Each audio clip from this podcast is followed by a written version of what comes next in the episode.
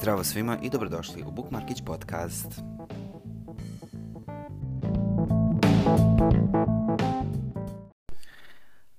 zdravo svima i dobrodošli u još jednu epizodu Bookmarkić podcasta. Uh, ovoga puta u oktobru planiram dve epizode, a, te vreme za prvu, pošto je sredina oktobra, uskrom dolazi sajem knjiga, a ova tema je nekako usko vezana sa tim.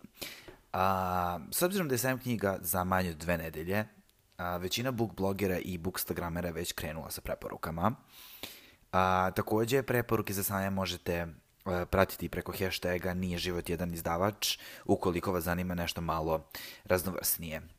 Uh, ovo nije epizoda u, ko, u kojoj ću da preporučujem šta da kupite na sajmu knjige, jer je možda budete slušali kasnije. Um, ali ono što sam primetio jeste da svako preporučuje šta god se njemu lično svidi. A, isto tako sam primetio da se dosta knjiga, pa tako i filmova, serija, albuma i tako dalje, preporučuje a, na loš način i prilično subjektivno. A, iz tog razloga sam odlučio da podelim s vama kako ja preporučujem stvari i šta to imam u vidu kada ja preporučujem neku knjigu ili recimo film, ali isto tako koja su pitanja koja a, postavljam kada meni neko želi nešto da preporuči. Godinama sam radio kao profesor engleskog i pripremao đake za Cambridgeove ispite i kao jedan od delova tu je writing, a jedna od tema jeste review, odnosno recenzija nečega, da li je to film, knjiga, restoran, može biti što god. Ono što Cambridge ocenjuje jeste mogućnost učenika da preporuči tu stvar nekoj određenoj ciljnoj grupi, nebitno da li se njemu dopala ili ne. A, svaki, ali apsolutno svaki proizvod ima svoju ciljnu publiku. A, jako je bitno znati kome tačno preporučiti taj određeni proizvod.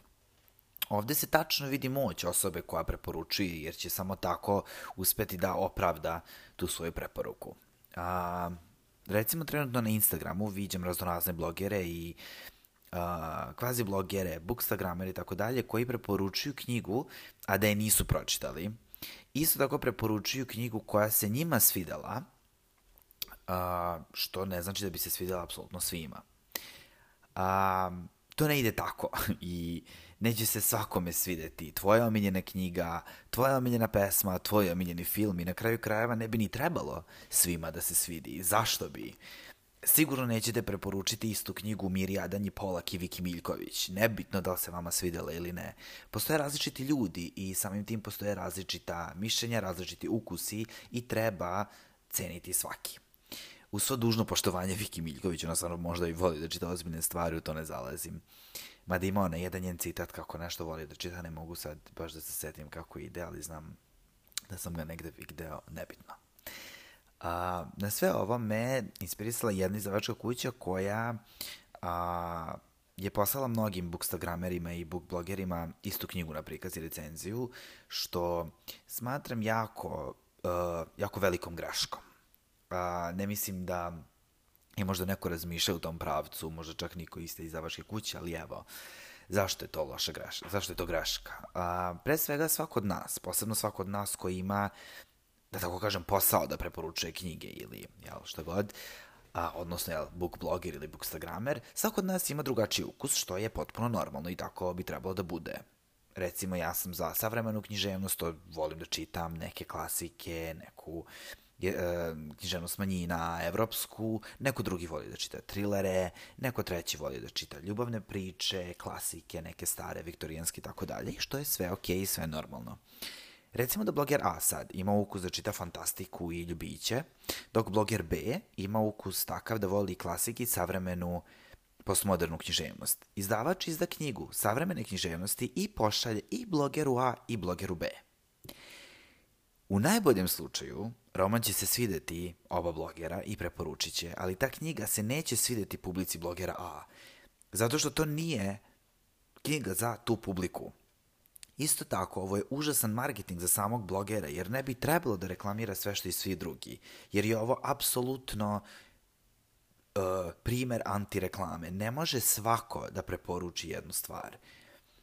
Svako od blogera ima svoj istančan ukus i ne želi da preporučuje bilo šta. Recimo sada izađe jedna nova pesma. Nećete sigurno poslušati tu pesmu i poverovati i da vam je Jay preporuči, na primer, ili recimo pevač grupe legendi, nećete znati kome da verujete, jer su male šanse da se svidi i jednom i drugom, s obzirom da pevaju potpuno dva različita žanra.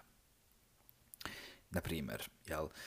A, ukoliko vidite da neko preporučuje apsolutno šta mu se trpa pod ruku, znajte da on ne može biti merodavan za sve preporuke. Kada sam otvorio blog, ja sam to uradio dva put, priznajem, odnosno uzeo sam da pročitam i preporučim knjigu koju mi izdavač poslao, a koja se meni ne bi svidela i tu sam uvideo svoju grešku, jer nisam želeo da preporučam stvari koje nisu za moju publiku i koje se meni ne dopadaju. To sam uradio dva put. Od tad više ne, zato što sam shvatio da to jednostavno ne želim da radim. Na kraju krajeva, smatram da svaki book bloger i svaki bookstagramer, svaka osoba koja preporučuje filmove, nebitno, modne trendove, muziku, šta god, a, e, merodavan da da e, preporuku onom žanru, onom žanru koji on voli da čita. Svako ima neku svoju publiku i svoj krug ljudi koji ga prati, te bi izdavači zaista morali biti malo selektivniji i targetirati romane po ukusu blogera jel? i njegove čitalačke publike. Blogeri, s druge strane, ne bi trebalo da budu halavi, već da uzimaju i preporučuju knjige koje bi se njima dopale. Ja bih sada definitivno odbio, recimo, da preporučim Guillaume Musoa, jer jednostavno to nije nešto što bih hteo da preporučim svojoj čitalačkoj publici. Ali na kraju krajeva čak i da uzem da je pre pročitam i preporučim, neću joj neću preporučiti svima, zato što se neće svima dopasti. Ovdje sad malo generalizujem sad sa Guillaume Musom, njega uzimam kao primjer, jer generalno ne čitam, pošto ne volim. Ali ću uvek napisati kome ja tu knjigu preporučujem. Recimo, Guillaume preporučujem svima koji vole ljubavne romane i koji u književnosti ne traže ništa duboko umno. Njima hoću preporučiti Guillaume Musa zato što jeste za njih. Ali nekome ko voli malo istančaniji ukus neću preporučiti Guillaume Musoa. I ovo nije sad pitanje samo ljudi koji, ljudi, e, ljudi koji preporučuju knjige ili filmove ili bilo šta. Ovo govorim generalno, ako se vama kao nekome ko nije bloger, ko čita s vremena na vreme knjige dopao Guillaume Musso, ne možete ga preporučiti svakom. Ako vam se svida Dostojevski, ne možete ga preporučiti svakom. Morate isfiltrerisati kome možete, kome ne. Jelenu Bačić-Alimpić, recimo, će preporučiti ženama koje vole emotivnije knjige i koje i knjige koje imaju malo veću dozu patetike, recimo, u sebi.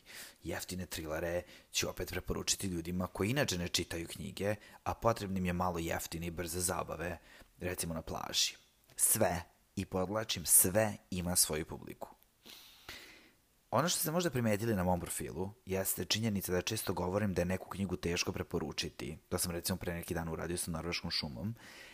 A, ili da je to jedna od knjiga koja se meni ne bi svidala, a da bi je trebalo oprezno uzeti u ruke. Uh, koja se meni svidala, ali da je treba, da bi je trebalo oprezno uzeti u ruke. I to zaista tako i mislim. Naprimer, uh, moja omiljena knjiga svih vremena je Ne daj mi nikada da odem, od Kazuo Ishigura, ali to ne znači da ću je preporučiti svima. Daleko bilo da je preporučim svima, to bi onda značilo da je ta knjiga bezvredna, jel? Isto tako, neću se ljutiti ako mi neko kaže da je ta knjiga glupa, jer meni lično nije. Moja greška I samo moja greška je ta ako ja preporučim nekome, toj osobi se ne svidi. To više nije, e, jebi ga, meni se baš svidela, nego ja nisam dobro procenio osobu kojoj sam trebao da preporučim knjigu. Pod ovim isto tako mislim i na filmove, i na muziku, i na serije, i na što god. A, kad me neko uživo pita da mu preporučim knjigu, pa i film, i seriju, to me često pitaju, uh, Moje prvo pitanje je šta voliš da čitaš? I odatle krenem. To je jako bitno pitanje, jer ako pomene, ako ta osoba pomene pisca, vidjet ću nekog sličnog za koga smatram da je okej okay, u tom nekom žanru, rangu i preporučiti. Ako smatram da je taj pisac bez veze, pokušat ću da nađem neku malo kvalitetniju varijantu tog pisca i preporučiti mu to. Recimo, neko mi kaže da voli da čita Sidney Sheldon, reći ću mu da pokuša da pročita Tracy Chevalier. Isto interesantna, isto zna biti romantična, ali ima tu neku istorijsku notu koja daje taj neki kvalitet, jel, veći od Sidney Sheldon. I definitivno lepši stil pisanja od, jel, Sidney Sheldon. Ukoliko me neko pita online šta da pročita, otići ću na profil, videti šta voli, šta ne voli, da li ima određenu knjigu koju čita i tako dalje i onda ću zaključiti šta voli. Jako je bitno pitati koji žanr osoba voli i koji ne. I opet mislim i na serije i na filmove. Da li voli happy end ili ne, što je zapravo vrlo bitno pitanje. Bitno je znati jer postoje ljudi kojima se roman ili film nikako neće svidjeti ako nema happy end. Nebitno koliko im se svide u toku čitanja. I da li ima živaca za komplikovanu literaturu ili nema. Tako ćete otprilike vidjeti šta je ta osoba, šta ta osoba može da čita, a šta ne. Redko koje knjige možete preporučiti svima da su kvalitetne, takvih je zaista jako malo. To može biti neka prolazna knjiga ili neka generalno srećna i slatka knjiga kao što je recimo Uve. Njega možete preporučivati svima i upalit će jer je onako vrlo generički lepa, iako ne mislim da je baš neko remek delo, ali je simpatična. Također to je i razlog zašto bi s vremena na vreme trebalo pročitati i glupe knjige. Moj fijasko ove godine je definitivno bila knjiga na sve strane Mali požari, ali uspela sam da preporučim tu knjigu ljudima koji vole dramatične serije, plot twistove u fazonu španskih serija i tim ljudima se ta knjiga zapravo dopala. I samim tim ja sam dobro uradio svoj posao i dobro sam obavio tu preporuku. Isto tako, pažljivo biram preporuke koje dolaze do mene. Na Instagramu i generalno u ovoj zajednici, jer se generalno ovom epizodom zajednici i blogerima obraćam, imam samo par ljudi kojima verujem, ali to ne znači da neću primetiti neku drugu preporuku, ali jako bitno da mi ta osoba obrazloži zašto bi ja trebalo da je pročitam. To je pravo pitanje, zašto baš ja?